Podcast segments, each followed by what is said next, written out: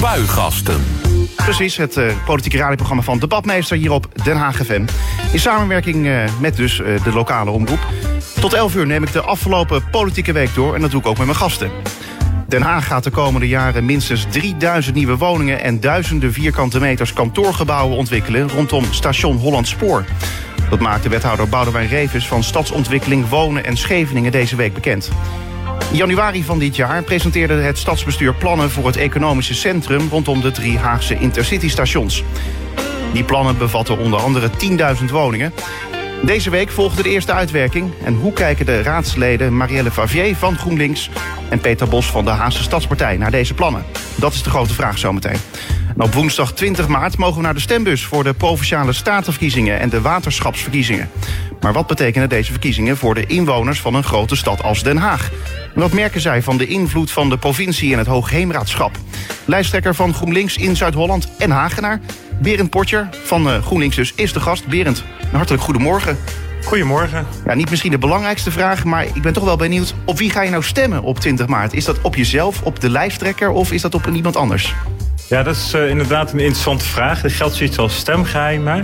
Ja, ik, ik zit er altijd zelf een beetje dubbel in. Want aan de ene kant wil je graag op iemand, uh, niet, niet graag op jezelf stemmen. Aan de andere kant vind ik ook dat ja, als ik geen vertrouwen in mezelf heb, hoe kan ik dat dan van anderen vragen? Dus dat is een beetje het dilemma waar ik mee zit. Met andere woorden, je stemt op jezelf. Wellicht. Oké, okay. nou goed, we gaan het uh, meemaken. In ieder geval, ik snap dat je er uh, misschien uh, dat je wil beroepen op je stemgeheim. Een groot, groot goed natuurlijk. zometeen praat ik met jou verder over de provinciale staatsverkiezingen. maar eerst even een overzicht van de afgelopen politieke week. Het politieke weekoverzicht.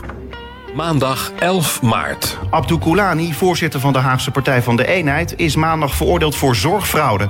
De politierechter in Rotterdam legde hem drie maanden cel, waarvan een maand voorwaardelijk op, voor het vervalsen van doktersrekeningen uit Marokko. De bijna 1400 euro die hij onterecht declareerde, moet hij terugbetalen. De straf valt fors hoger uit dan de eis van het Openbaar Ministerie: 120 uur taakstraf en een voorwaardelijke celstraf van twee weken. Nou, Berend, heb, heb jij het nieuws een beetje gevolgd hierover? Of dacht je van, ik heb het zo druk met die campagne, ik weet er niks van? Ja, ik heb het inderdaad heel druk met de campagne. En uh, ook uh, met uh, landelijke nieuws volg ik wel. Dus dit nieuws had ik, ik had wel iets meegekregen. Maar het inderdaad zo'n forse straf was, dat had ik gemist. Ja, en stel nou dat hij in jouw GroenLinks-fractie zou zitten. Ehm, ja, zou je hem dan uit je fractie gooien? Nou, volgens mij uh, kan je niet anders. Als hij in de cel zit, dan kan hij uh, niet functioneren als politicus natuurlijk. Maar nee, wij in GroenLinks hebben wij integriteit hoog in het vaandel staan. Dus wij vinden dat uh, echt wel een dingetje. Kortom, ja. dan, dan zou zo iemand wel uit je fractie worden gezet. Uiteindelijk ook, ook al zit hij ja. dan in de cel. Nee, precies zo, zo iemand zouden wij niet, niet willen. Wij, wij, willen wij, wij staan voor eerlijke politiek. En ja, dat, dat past daar niet bij. Ja. Maandag 11 maart. Nou, dat was de, vo de vorige dag natuurlijk al. We gaan nu naar even naar de volgende dag. Dinsdag 12 maart. Een meerderheid in de Tweede Kamer vindt dat het aantal vluchten vanaf de regionale luchthavens Rotterdam en Eindhoven voorlopig niet mag groeien. De Kamer steunt daarmee een pleidooi van de regeringspartijen D66 en ChristenUnie voor een groeistop. Rotterdam de Heek Airport en Eindhoven Airport willen allebei uitbreiden. Maar D66 en de ChristenUnie wijzen erop dat er nu al heel veel overlast is voor omwonenden. Ja, Berend, daar moet je blij mee zijn. Ja, zeker. Het is iets waar wij in de staat al, als GroenLinks al in de staat al heel lang mee bezig zijn, inderdaad. Ja, maar uh, hoe volg je dat dan vanuit het... Ja, ik bedoel, je zit dan in de Provinciale Staten. Uh, zeg jij nog tegen die mensen op het Binnenhof... Uh, dat zij dit besluit moeten nemen? Of laat je het gewoon helemaal over aan je collega's daar? Nou, ik heb al regelmatig contact met mijn collega's op het Binnenhof, inderdaad. Die is zo even verderop. Ook op dit dossier. Dus wij weten precies hoe. Ja, wij weten elkaar daar goed te vinden. Dus dat. Wij kunnen daar zelfstandig uh, besluiten over nemen die in lijn is met wat wij hier in de provincie ook vinden. Kan me voorstellen, ja.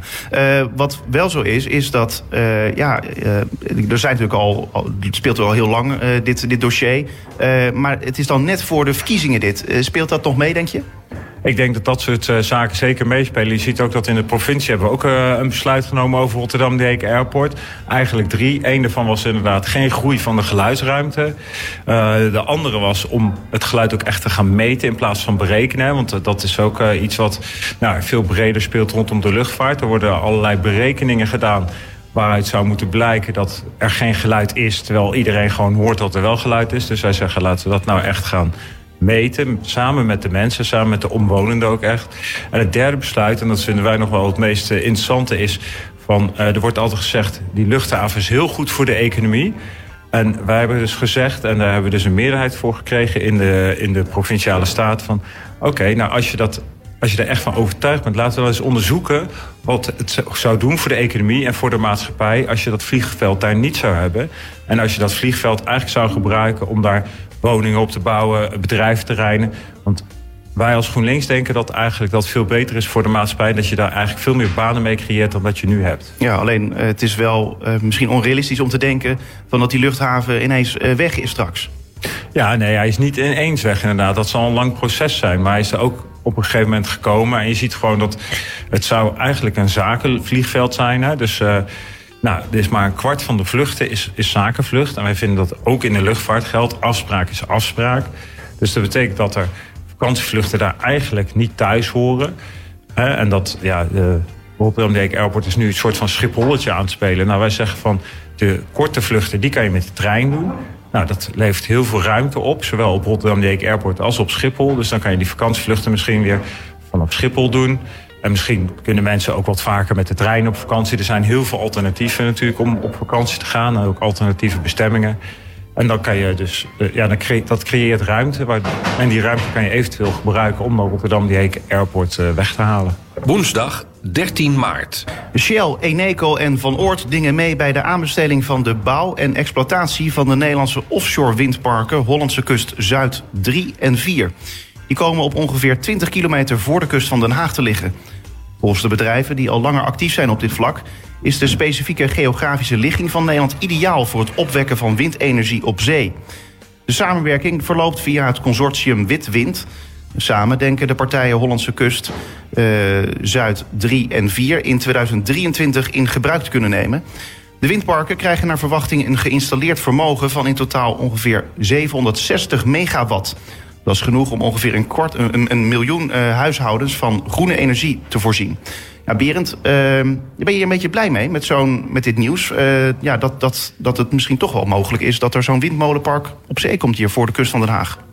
Ja, ik had eigenlijk. Het is niet verrassend, zeg maar. Het liep al veel langer. Dus wat dat betreft is het natuurlijk. Uh, ja, niet. Zover is niet nieuws, maar wat wel mooi is, is dat natuurlijk zoveel Nederlandse partijen daarvoor inschrijven. En dat je ziet dat het ook echt, wat, wat ik net al zei rondom de luchthaven, dat ook duurzame energie, dat levert gewoon Nederlandse banen op, levert Nederlands werkgelegenheid op. Je ziet dat heel veel Nederlandse partijen toch wel betrokken zijn, ook internationaal, mondiaal, bij windparken op zee. En dat levert gewoon, ja, het is gewoon een hele grote kans voor Nederland. Ja, en je noemt bewust de naam Shell niet? nou ja, er zijn meerdere partijen. Het is wel grappig dat ze nu zichzelf witwind noemden. Bij het vorige project noemden ze zichzelf blauwwind. Dus ik denk het volgende project wordt roodwind. Maar uh, nee, dat is uh, hartstikke mooi dat ze bezig zijn met duurzame energie. Ik zou als eerste denken eigenlijk aan groene wind. Maar... Ja, dat is ook een mooie. Uh, ja. Donderdag 14 maart. CDA Karsten Klein heeft donderdag na 13 jaar afscheid genomen van de Haagse gemeentepolitiek. Klein was acht jaar lang wethouder en vijf jaar lang fractievoorzitter. Als hoogtepunt van zijn loopbaan noemt hij de vele evenementen die naar Den Haag zijn gekomen. Het gaat daarbij bijvoorbeeld om het WK Hockey, de Liberty Tall Ships Regatta en de finish van de Volvo Ocean Race. Karsten Klein blijft wel actief in de politiek, want hij staat derde op de lijst van het CDA voor de Europese verkiezingen in mei. Ken jij Karsten een beetje, Berend? Nou, ik ken zijn naam en, uh, en uh, ik kom hem af en toe eens tegen... maar ik heb nooit echt koffie met hem gedronken of zo. Nee, wat, wat heeft hij volgens jou wel voor Den Haag betekend? Ja, dat is een goede vraag. Daar heb ik niet zo heel duidelijk beeld van, uh, moet ik zeggen. Hoe, hoe, volg jij die Haagse gemeentepolitiek de afgelopen jaren? Uh, dat is uh, met name uh, indirect, zeg maar. Dus via social media een belangrijke. Ik heb een nee-ja-sticker op mijn deur... zodat ik ook de posthoorn zou moeten krijgen. Maar dat is de laatste tijd ook niet meer gebeurd. Dus, en, en verder gewoon via contacten die ik heb in de stad. Ja. En met de Haagse gemeenteraad bijvoorbeeld. En zo blijf je wel een beetje op de hoogte van wel het nieuws... wat er dan speelt in Den Haag. Ja, precies. Ik weet wel wat er speelt in Den Haag... maar ik weet niet precies wat Karsten Klein dan in dat geel heeft betekend. Vrijdag 15 maart. Het Malieveld in Den Haag was vrijdag het toneel van de landelijke onderwijsstaking. Volgens de Algemene Onderwijsbond hielden meer dan 2600 basisscholen hun deuren gesloten. Leerkrachten protesteerden tegen lage salarissen en de hoge werkdruk. Volgens de organisatie waren er 40.000 mensen aanwezig. Ben je nog bezig kijken daar? Ja, ik ben er ook langs geweest inderdaad. En? En ja, het was uh, hartstikke druk. Het was ook uh, heel goed georganiseerd. Ik was zondag was ik ook uh, bij de klimaatmars in Amsterdam. En nou, wat, wat daar opviel was behalve het slechte weer ook best wel de slechte geluidsinstallatie. Dus er waren best wel veel sprekers, maar die verstond je best wel slecht. Dat was hier op Malieveld anders. Die kon je echt goed verstaan. Dat was echt goed geregeld. Ik heb het idee dat de laatste tijd ineens veel meer demonstraties zijn, protestacties dan voorheen. Heb jij dat gevoel ook? Ja, dat gevoel heb ik ook. Ik heb het gevoel dat mensen toch uh, ja, behoefte hebben aan verandering inderdaad. Dat ze, ze we zijn natuurlijk een beetje een polderland en een beetje op een gegeven moment in slaap gesust of zo. En inmiddels denken mensen, ja, maar zoals het nu gaat, dat willen we niet meer. En ze beginnen toch weer eh, in actie te komen. En dat vind ik alleen maar positief, dat mensen opstaan voor hun rechten en, en ook voor uh, ja, hun belangen. Ja, de vraag blijft dan wel altijd, heeft het zin protesteren? Ja, dat is, eh, dat is een uh, terechte vraag. Maar ik denk dat het zeker wel zin heeft. Ik denk dat ook bijvoorbeeld als je ziet van de klimaatmars... dat heeft, nou ja, Rutte die heeft nu wel een draai gemaakt. Dus ja, wat dat betreft denk ik dat het zeker zin heeft. Ja, maar dat deed hij eigenlijk vooral na de cijfers van het Centraal Planbureau, toch? Nou, die, die gaven aan dat de mensen die inderdaad protesteerden... en dat ook GroenLinks, die heeft natuurlijk heel hard aangedrongen op een CO2-heffing... dat die gewoon gelijk hadden. En dat kon hij, nadat die cijfers waren, eigenlijk niet meer ontkennen. Ja. Hoe graag hij dat misschien ook wilde. Kortom, ja, het een is eigenlijk een beetje het gevolg van het ander geweest. Nou, het versterkt elkaar, denk ik. Ja. Gaan we naar de laatste dag. Zaterdag 16 maart. Oftewel vandaag, twee derde van de lokale VVD-bestuurders en politici vindt dat het tijdperk van Mark Rutte op zijn eind loopt. Dat schrijft NRC Handelsblad vanmorgen na interviews met gemeenteraadsleden, statenleden, gedeputeerden, wethouders en burgemeesters van de partij. De krant vroeg bijna 300 actieve VVD'ers die niet in de Eerste of Tweede Kamer zitten naar hun mening over de partij. En 169 van hen werkten mee. Denk jij ook dat het eh, Rutte-tijdperk voorbij is? Ja, ik denk dat het inderdaad wel op zijn eind loopt. Ik denk dat het Klaver-tijdperk eraan zit te komen. Ja, alleen zijn er nog geen verkiezingen. nee, dat klopt. Dus uh, ik denk dat, uh, dat dit kabinet, uh, dat zal nog wel even doorgaan. Ik denk, ze raken straks denk ik wel de meerderheid kwijt. Dus dan zullen ze wel alle hoe zeg, wendbaarheid nodig hebben die Rutte vaak toch wel heeft. Alleen ze zullen wel een andere lijn moeten gaan kiezen. En ja, als, als Rutte de persoon is om echt een nieuwe lijn uit te zetten... die veel socialer is, veel groener... Ja, dan, dan kan hij misschien nog even mee. Maar de vraag is of niet hij een te veel uh, ja, uh, de, het imago heeft van dat hij er is voor de grote verdieners, voor de aandeelhouders van de multinationals. Ja. Uh, nou, dit was het Politieke Weekoverzicht voor deze week. Wil je alles nog even rustig nalezen en meer nieuws natuurlijk op denhagfm.nl.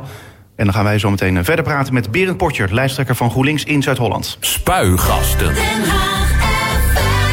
Op woensdag 20 eh, maart mogen we naar de stembus voor de provinciale staatsverkiezingen en de waterschapsverkiezingen. Maar wat betekenen deze verkiezingen voor de inwoners van een grote stad als Den Haag? Merken zij wat van de invloed van de provincie en het Hoogheemraadschap? Je hoorde net al eventjes, lijsttrekker van GroenLinks in Zuid-Holland en Hagenaar. Berend Portjer van uh, GroenLinks dus is de gast. Ja, Berend, uh, het belang van deze verkiezingen is groot... maar dan vooral voor het zittende kabinet heb ik altijd het idee. Uh, ik denk dat uh, het voor het zittende kabinet zeker een groot belang is. Maar ik denk ook dat het van groot belang is hoe uh, de provincie verder eruit gaat zien. Inderdaad, dus de provinciale staten zelf zijn denk ik ook van belang. En ook inderdaad wat u zegt, het waterschap. Ja. Dat is een vaak wat onzichtbare bestuurslaag, maar wel belangrijk om droog voet te houden. En waar, waar ligt dat dan aan? Dat zowel de provincie trouwens als het waterschap nog, ja, het waterschap nog iets meer onzichtbaar is dan de provincie. Maar beide toch wel wat onzichtbaarder zijn dan die andere overheden. Ja, ik denk dat bij het waterschap gaat het vaak over een best wel technisch onderwerp. Namelijk hoe houden we het droog, hoe houden we het water schoon, zeg maar. En, en daar zijn de politieke verschillen misschien ook iets minder groot. En daar gaat het soms misschien wel over moeten de boeren betalen... of de inwoners van Den Haag bij wijze van spreken. Nou, dat is wel een hele duidelijke politieke keuze. Maar eigenlijk is het geen keuze of je de droge voeten wil houden of niet. Ik bedoel, dat wil iedereen. Wat wel weer een politieke keuze is dan van hoe ga je om met bijvoorbeeld... Uh, ja, overbemesting. Hè? Dus dat de sloten echt uh, vol kroos staan omdat, omdat de boeren meer mest op het, uh, op het land willen. Nou, daar, daar denken de partijen wel verschillend over. Hè? Water natuurlijk, die wil dan graag schoner water. En, en ja, de CDA, of, of nou, laten we zeggen de landbouwpartijen... die vinden vooral het landbouwbelang van belang. En die willen gewoon door met mest en gif. Ja. Dus, dus ja, dat, maar dat, het is wat een beetje technisch onderwerp. Ja, kortom, er valt dus wel degelijk wat te kiezen. Gaan we het straks nog even wat meer over hebben. Maar eerst even over die provincie. Daar valt ook degelijk wat uh, te kiezen. Daar zitten de partijen toch al wel iets ja, anders uh, in elkaar in die zin dan uh, bij de waterschappen. wij wonen natuurlijk in een grote stad, Den Haag. Wat merken we nou van die provincie hier? Ja, Den Haag heeft samen met Rotterdam een, een stuk van de taken van de provincie uh, zelf gepakt, zeg maar. Dat is met name het openbaar vervoer. Dus op openbaar vervoer merk je iets minder van de provincie dan de regio daarbuiten.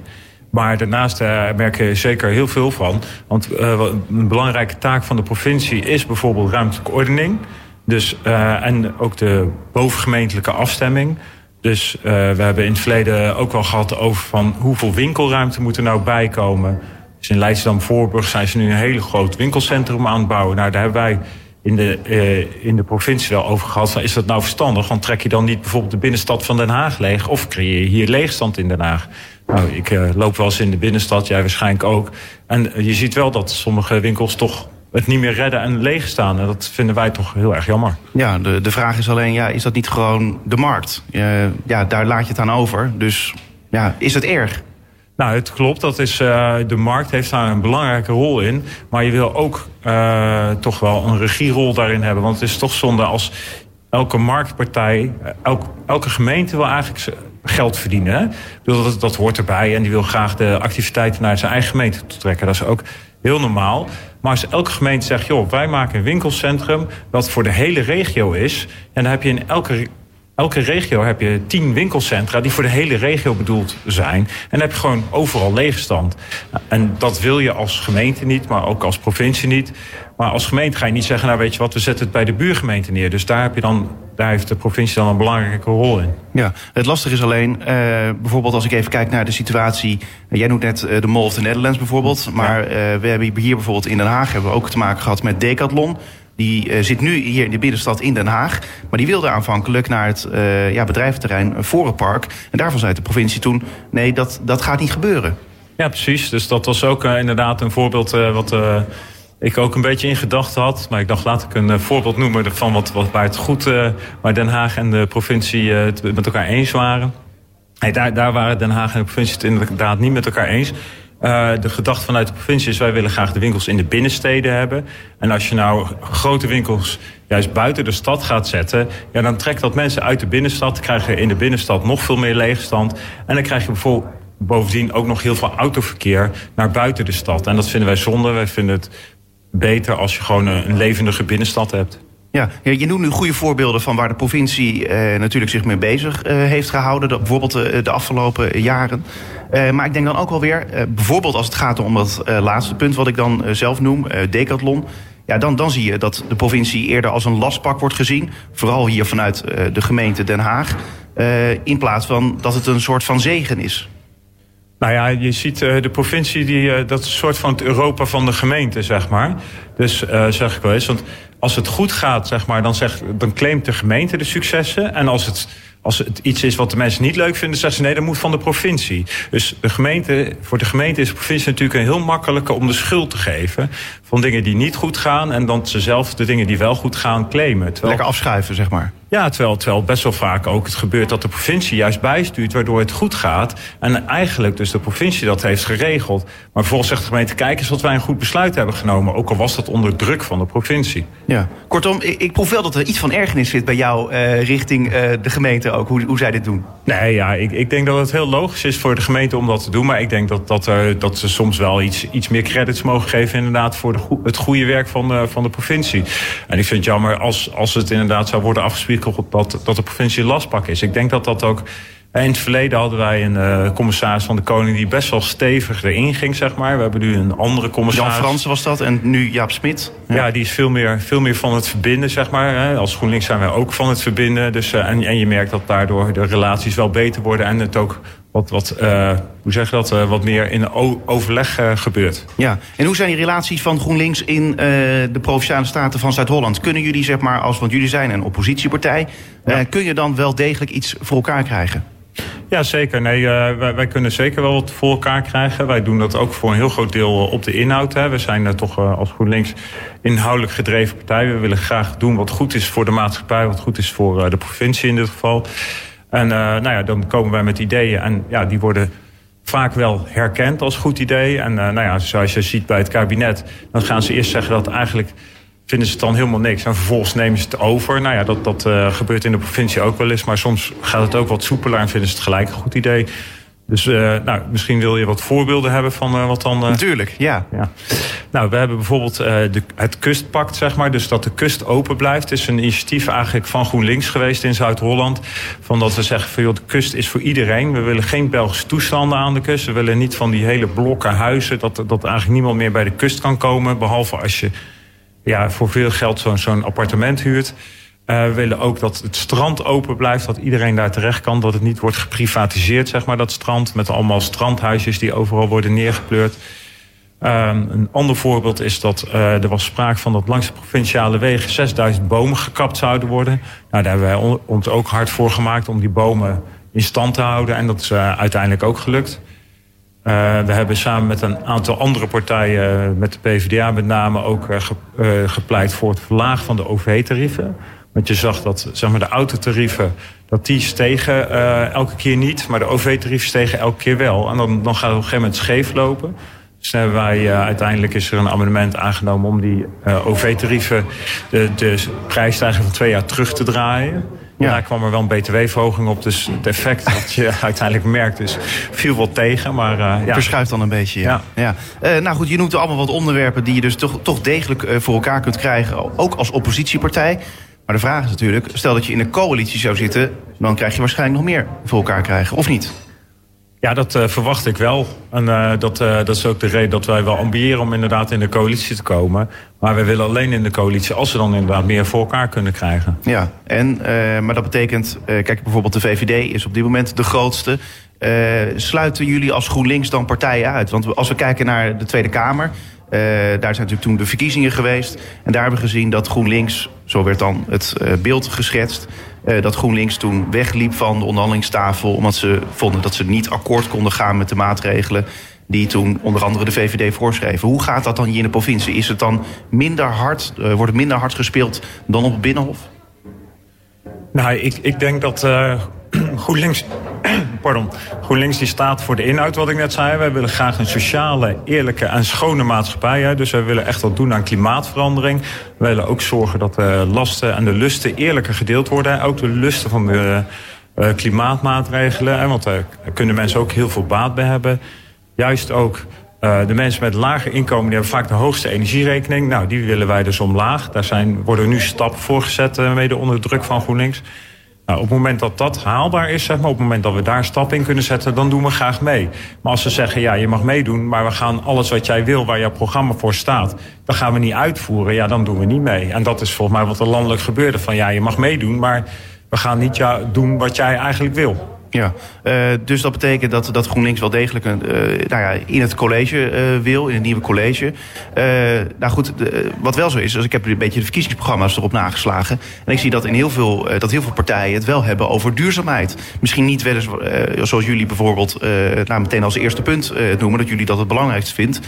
zou ik gek zijn als GroenLinks dat niet als eerste zou noemen. Maar zelfs de VVD heeft het daarover in het verkiezingsprogramma. Ja, dus dat uh, biedt heel veel kansen. Wat je ook ziet is dat ook heel veel partijen een ander punt van GroenLinks hebben overgenomen. Dat, namelijk dat we de woningnood willen oplossen. En dat we dat willen doen. Ja, maar wie wil dat nou niet, Berend? Nou ja, in het verleden toen uh, vond, vond men dat geen provinciale taak, zeg maar, om daarop te sturen. En toen gingen ze Rotterdam 10.000 sociale woningen slopen. En toen uh, hebben wij heel hard eraan moeten trekken, samen met de andere linkse partijen, om dat in de provincie daar wel op te sturen. Want Rotterdam die zei van, joh, wij willen die sociale woningen niet. Uh, de andere gemeente zoekt het maar lekker uit, die moet het maar opvangen. Ja, dat gaat natuurlijk niet vanzelf. En dan heb je zo'n provinciale taak wel nodig om te zorgen, om al die gemeenten te zeggen, joh, iedereen moet gewoon zijn eigen deel doen. Ja, precies. Uh, nou, je zou het natuurlijk haast vergeten, maar er zijn dus ook waterschapsverkiezingen. Uh, hebben we het net heel even kort over gehad. En jij staat er ook voor op de lijst. Waarom eigenlijk? Ja, ik uh, ben lijstduwer omdat ik uh, natuurlijk heel bekend ben geworden door uh, mijn activiteiten in de provinciale staten. en daarom hebben ze jou gevraagd. Ja, heb je jezelf aangeboden? Nee, nee, ik ben wel gevraagd. Nee, ik sta, op de, ik sta als lijstduwer op de lijst van Water Natuurlijk. En Water Natuurlijk is eigenlijk een, een samenwerkingsverband van uh, verschillende organisaties, waaronder GroenLinks. En dat is eigenlijk ook de voornaamste reden dat ze mij hebben gevraagd. Zodat mensen kunnen zien van, oh, Water Natuurlijk en GroenLinks, dat hoort bij elkaar. Zodat de GroenLinks-stemmers ook weten, die zien dan geen GroenLinks bij de waterschapsverkiezingen, dat ze bij Water Natuurlijk terecht kunnen. Maar uh, voer jij uh, daadwerkelijk actief campagne ook? Of Nou ja, ik, wij hebben het er nu al een tijdje over. over. Ja, precies. Nee, ja, dus ik ben uh, met name campagne aan het voeren voor provinciale staten en, uh, en GroenLinks. Maar ik, uh, ik noem wel overal ook dat wij inderdaad samenwerken met Water Natuurlijk. Ja, precies. Ja. maar goed, heb je ook foldertjes of zo dat je die bijvoorbeeld nu gaat, gaat uitdelen zometeen? Of... Nee, ik voer met name campagne voor GroenLinks inderdaad. ja. ja. ja. nou goed, het is dus nu natuurlijk vandaag de laatste zaterdag voor de Provinciale Statenverkiezingen. Woensdag 20 maart is het dus zover. Ja. Dus een drukke campagnedag. Ja. Zit je op hete kolen? Want het is al inmiddels al twee minuten over half elf. En we hadden gezegd dat het tot half elf zou duren. Dus waar ga je straks naartoe? Ik ga straks naar Dordrecht. Daar gaan we nog campagne voeren. Daar heb ik ook een inloopspreekuur over de Q-bus. Dat is, zeg maar, die, die, hebben daar de, het openbaar voer overgenomen. En dat gaat niet helemaal goed. Om niet te zeggen helemaal niet goed. dus ik ga daar met de mensen spreken over van wat kan er nou beter, wat kan er nou anders. Nou, Berend Potjer van eh, GroenLinks, lijsttrekker. Ik wens je veel succes deze laatste campagnedagen. Dankjewel. Den Haag gaat de komende jaren minstens 3000 eh, nieuwe woningen en duizenden vierkante meters kantoorgebouwen ontwikkelen rondom station Holland Spoor. Dat maakte wethouder Boudewijn Reves van Stadsontwikkeling, Wonen en Scheveningen deze week bekend. In januari van dit jaar presenteerde het stadsbestuur plannen voor het economische centrum rondom de drie Haagse intercitystations. Die plannen bevatten onder andere 10.000 woningen. Deze week volgde de eerste uitwerking. Hoe kijken de raadsleden Marielle Favier van GroenLinks en Peter Bos van de Haagstadspartij naar deze plannen? Peter, eh, dinsdag werden de plannen gepresenteerd door Boudewijn Revis. Eh, was je nou blij met die 3000 woningen rondom eh, station HS? Nou, de aantallen zijn natuurlijk wel indrukwekkend. Ehm, alleen, ik was heel erg verrast over het feit dat de wethouder nu al uitgewerkte plannen heeft. En dat het ook al ja, met project, projectontwikkelaars lijkt te zijn beklonken. Daar ben ik zeer uh, verrast over, omdat wij nog helemaal niet uh, hebben gesproken over deze plannen. En de stad ook nog helemaal niet betrokken is bij de uitwerking. Ja. maar er zit wel heel veel sociale huur bij. Want 30% ja, hoort sociale huur erbij te zitten. Daar ben je dan wel blij mee, lijkt mij. Ja, dat is natuurlijk ook de afspraak die wij hebben. En die afspraak die bestaat natuurlijk ook al, al, jaren. Dat is al jarenlang het beleid om 30% sociaal te bouwen. is op zich niet nieuws, maar het is wel belangrijk. En het is ook belangrijk dat dat ook echt hard wordt gemaakt. En daar heb ik nog wel zorgen bij. Of dat ook echt gaat, of dit ook wel echt hard is vastgelegd. En dat dat ook gaat gebeuren. Ja. Uh, Marielle Favier van uh, GroenLinks, je hebt de plannen ook gezien. Uh, ja, Boudewijn Revens heeft ze ja, gepresenteerd. Uh, betekent dat nou dat, uh, nou ja, wat Peter Bos zegt, dat er echt gewoon iets is beklonken met projectontwikkelaars en dat de gemeenteraad er niks over te zeggen heeft? Uh, nou, volgens mij heeft de gemeenteraad daar best nog wel wat over te zeggen. Maar als het gaat over die notas van uitgangspunten, dat is gewoon een collegebevoegdheid. Dus daar hoeven we als gemeenteraad ook niet eens over te beslissen. Ja, nota van uitgangspunten, leg even uit voor de luisteraar die dat niet kent. In de nota van uitgangspunten legt het college vast uh, welke uitgangspunten een projectontwik projectontwikkelaar moet hanteren voor het uh, ontwikkelen van een, van een plan. Kortom, het is gewoon vastgesteld eigenlijk ja, hoe er op deze manier zeg maar, die huizen ja, die, die daar zouden moeten komen, worden gebouwd. maar Peter die zegt dus, nou ja, er is dus afgesproken met die projectontwikkelaars gewoon. En het is ja, allemaal in kannen en kruiken en we doen er dus als raad bijna niks meer mee. Maar wat gaat de raad dan, ja, wat kan de raad hier nog over zeggen?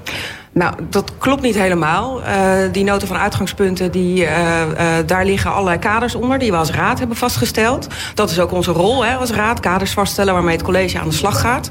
Het, we zouden het echt nog drukker krijgen als raad... als alles, alle collegebesluiten langs de raad zouden moeten. Dus ik ben heel blij dat de wethouder gewoon doorgaat.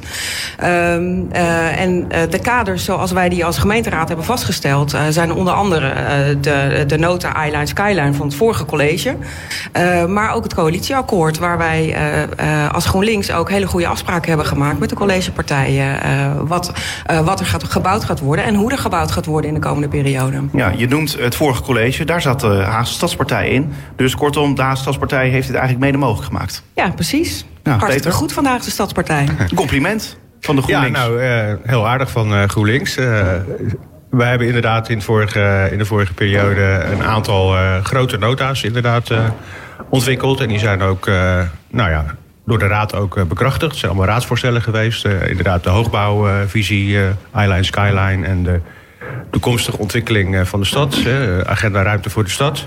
Maar dat zijn hele brede nota's die over de hele stad gaan. En ja, de verdere uh, ontwikkeling van het uh, ja, Central Innovation District, de driehoek tussen de drie stations, ja, is ook enorm. En ik vind het wel belangrijk dat wij als raad daar ook betrokken blij, bij blijven en daar ook invloed op kunnen uitoefenen. Dat zijn net zo goed kaderstellende stukken. Ja, maar goed, die, die stukken die komen toch allemaal jullie kant op... en jullie kunnen er toch uh, over spreken wanneer jullie willen? Ja, nee, zeker. Maar uh, op het moment dat wij een afspraak hebben met de wethouder... om over het Central Innovation District uh, te praten... en vervolgens blijkt dat hij ook al een notas van uitgangspunten heeft gemaakt... en vastgesteld door het college... en vervolgens blijkt dat er ook al afspraken met projectontwikkelaars zijn gemaakt... ja, dan heeft het bespreken van allerlei zaken totaal geen zin. Dan, hebben wij, dan lopen we achter de feiten aan. Ja, maar de vraag is, ook vanuit uh, Marielle Favier uh, stel ik maar even zo... Uh, hoe erg is dat? Want we willen toch gewoon dat die huis gebouwd wordt. Het is hard nodig. ja, zeker. Het is hard nodig. Maar je moet wel zorgvuldigheid betrachten. En je moet zorgen dat die plannen ook op draagvlak in de stad kunnen rekenen. Ja, dus je moet ervoor zorgen dat de stad geïnformeerd is en dat de stad kan meepraten. We hebben nu te maken met plannen voor uh, Holland Spoor onder andere.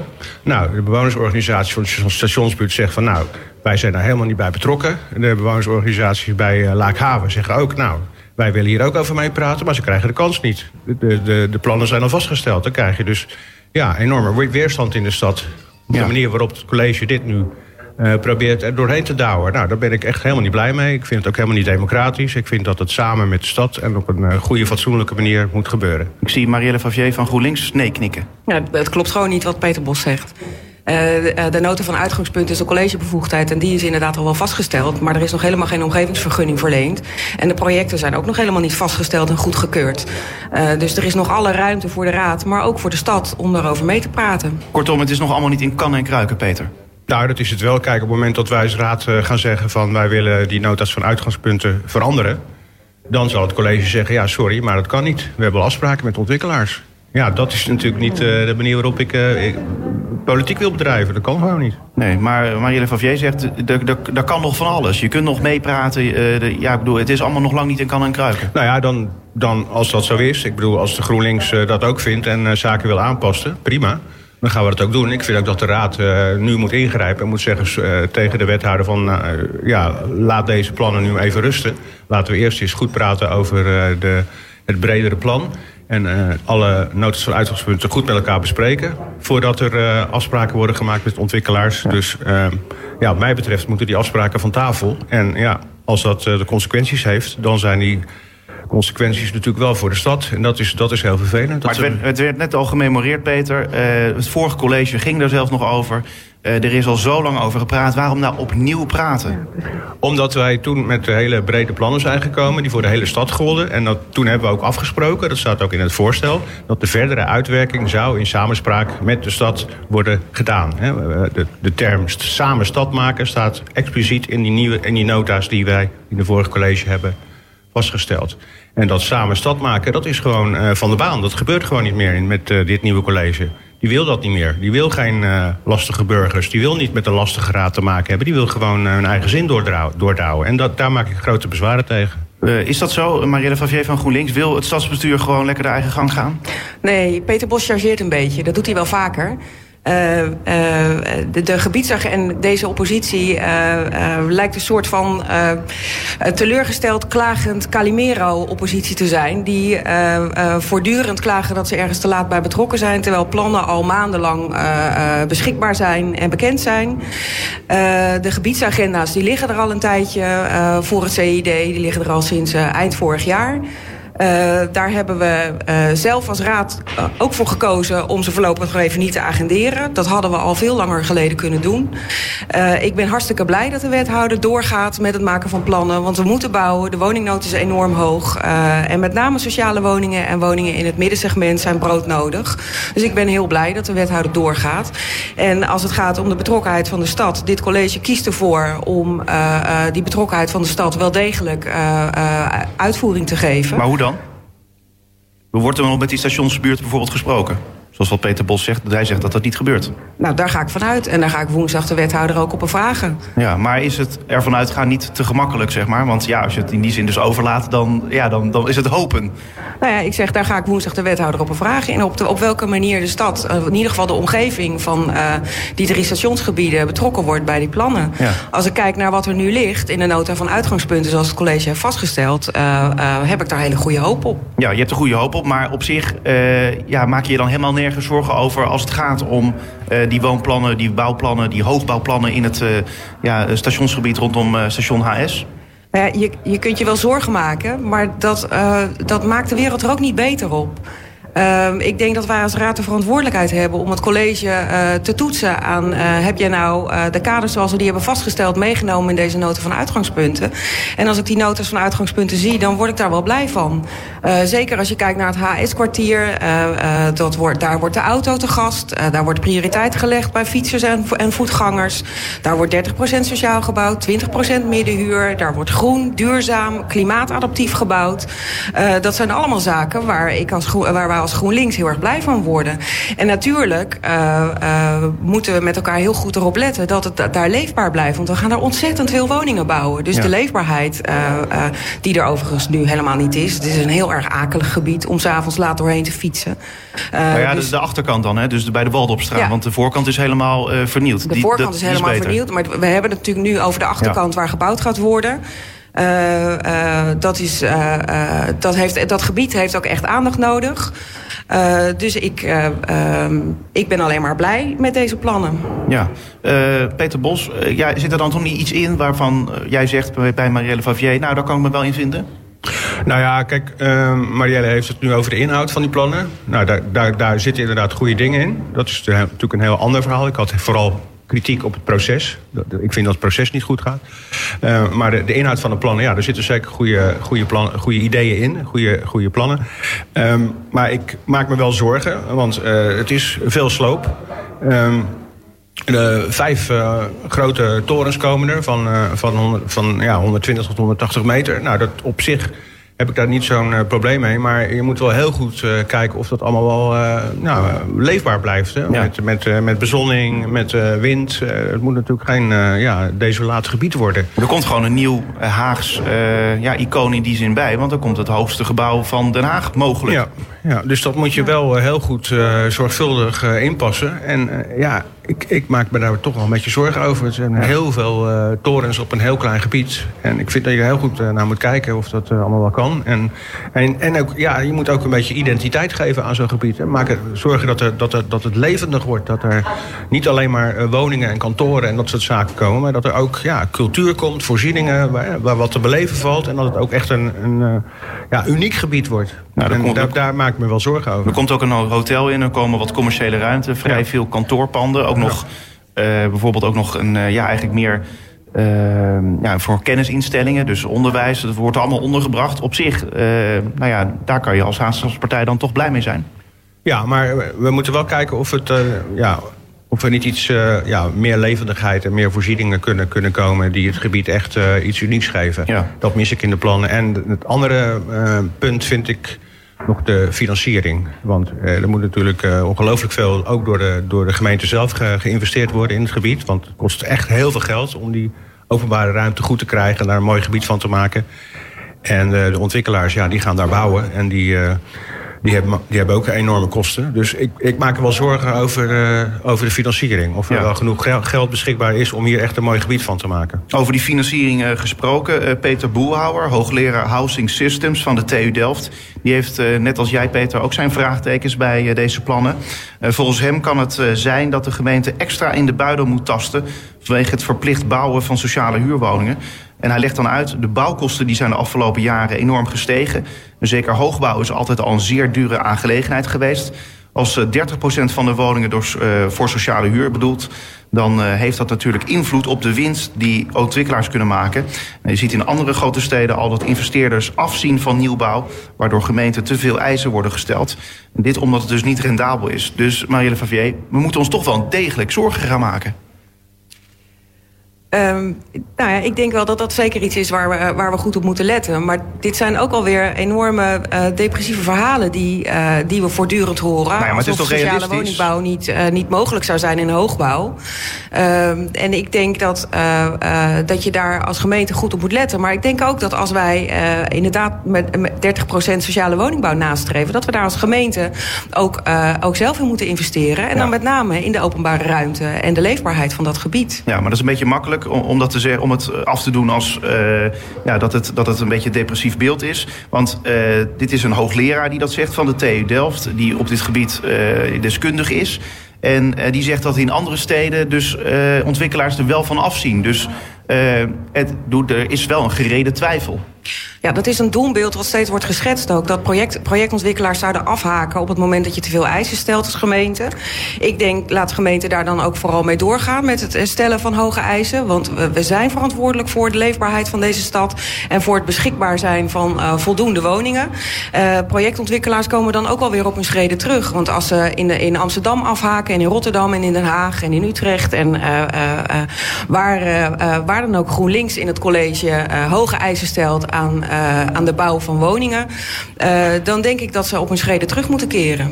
Ja, we hebben het eigenlijk al min of meer nu over de woonplannen... de woonagenda van diezelfde wethouder Boudewijn Revis... Een meerderheid van de Haagse gemeenteraad die stemde donderdagavond voor de woonagenda van hem. De oppositiepartijen PvdA, de Haagse Stadspartij, Partij voor de Dieren, SP en PVV die stemden tegen de woonagenda. Uh, Peter, uh, jij vindt, uh, althans de Haagstadspartij vindt, dat de markt de veel, te veel eigenlijk de vrije de, de, markt te veel de vrije hand krijgt. waarom? Um, nou ja, omdat eigenlijk de, ja, de, de, de, situatie op de woningmarkt is nu zodanig dat er enorme tekorten zijn aan woningen, vooral betaalbare woningen. Dat is een heel groot probleem. En deze woonagenda die ehm, ja, die, die doet daar eigenlijk heel weinig aan. Uh, natuurlijk uh, moet 30% sociaal gebouwd worden. Dat is wel een, een eis die gesteld wordt, maar dat doen we al jaren, zoals ik al eerder zei. En daar, daar, die, die eis is vaak ook niet hard, dus vaak wordt het ook niet gehaald. Dus echt goede maatregelen om die, om die markt te beteugelen, die, die ontbreken in, in deze nota. Bijvoorbeeld een, een ver, verhuurvergunning, hè, dat je dus gewoon gaat eisen dat.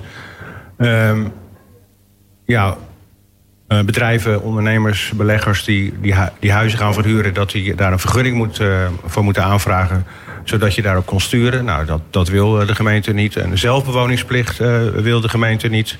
Um, en er wordt eigenlijk in die woonagenda een beetje geschoven met allerlei doelgroepen. Sommige doelgroepen die nu voorrang krijgen, die krijgen straks minder voorrang.